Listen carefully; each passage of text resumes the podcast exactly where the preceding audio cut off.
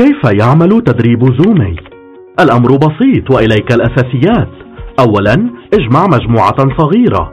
ثانيا أكمل عشر جلسات تدريبية. ثالثا ضع ما تعلمته موضع العمل. هذا كل شيء إنه بسيط صحيح؟ لننظر إلى كل من هذه الأساسيات. اجمع مجموعة صغيرة. القصد من تدريب زومي هو أن نقوم به مع الآخرين. قال يسوع لأنه حيثما اجتمع اثنان أو ثلاثة باسمي فهناك أكون في وسطهم. أفضل حجم للمجموعة هو من أربعة إلى اثني عشر عضوا. يعطي هذا الحجم كل واحد فرصة للمشاركة بشكل كامل في الأفكار والأسئلة. يمكن أن تكون هذه المجموعة مكونة من أصدقاء.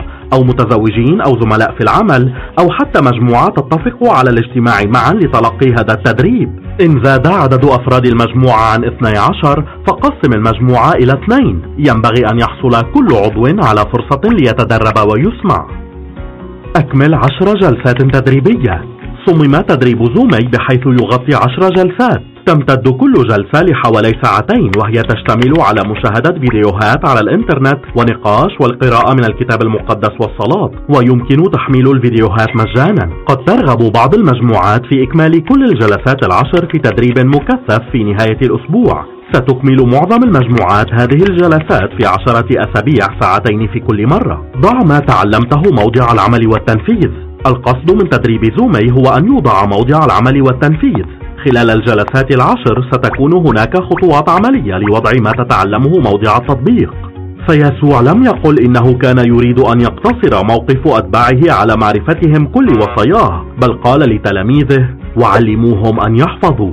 معنى الحفظ والطاعة هو أن تضع ما تعرفه موضع العمل والتنفيذ وفي نهاية الجلسات سنبدأ العمل في بدء كنائس بسيطة. قد يبدو هذا واجبا وهو كذلك. ولكنه لا يشتمل على أبنية وموظفين أو برامج بل هو جمع مجموعة من الناس لنتعلم إطاعة ما يعلمه يسوع لنا في كلمته ومن ثم تعليم آخرين عمل ذلك أيضا.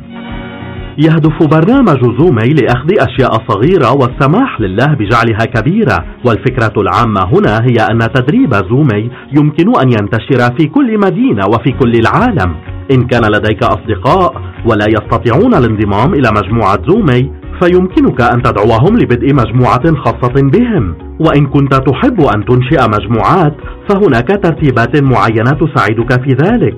نحن نسهل الأمر وكل ذلك جزء من التدريب. تذكر أن هدف تدريب زومي هو أن تطيع ما علمنا يسوع أن نعمله. قال يسوع اذهبوا وتلمذوا جميع الأمم وعمدوهم باسم الآب والابن والروح القدس وعلموهم أن يحفظوا جميع ما أوصيتكم به. إن كنا أتباع يسوع فإن جزءا مما أمرنا به يسوع هو أن نأتي بتلاميذ وأتباع له.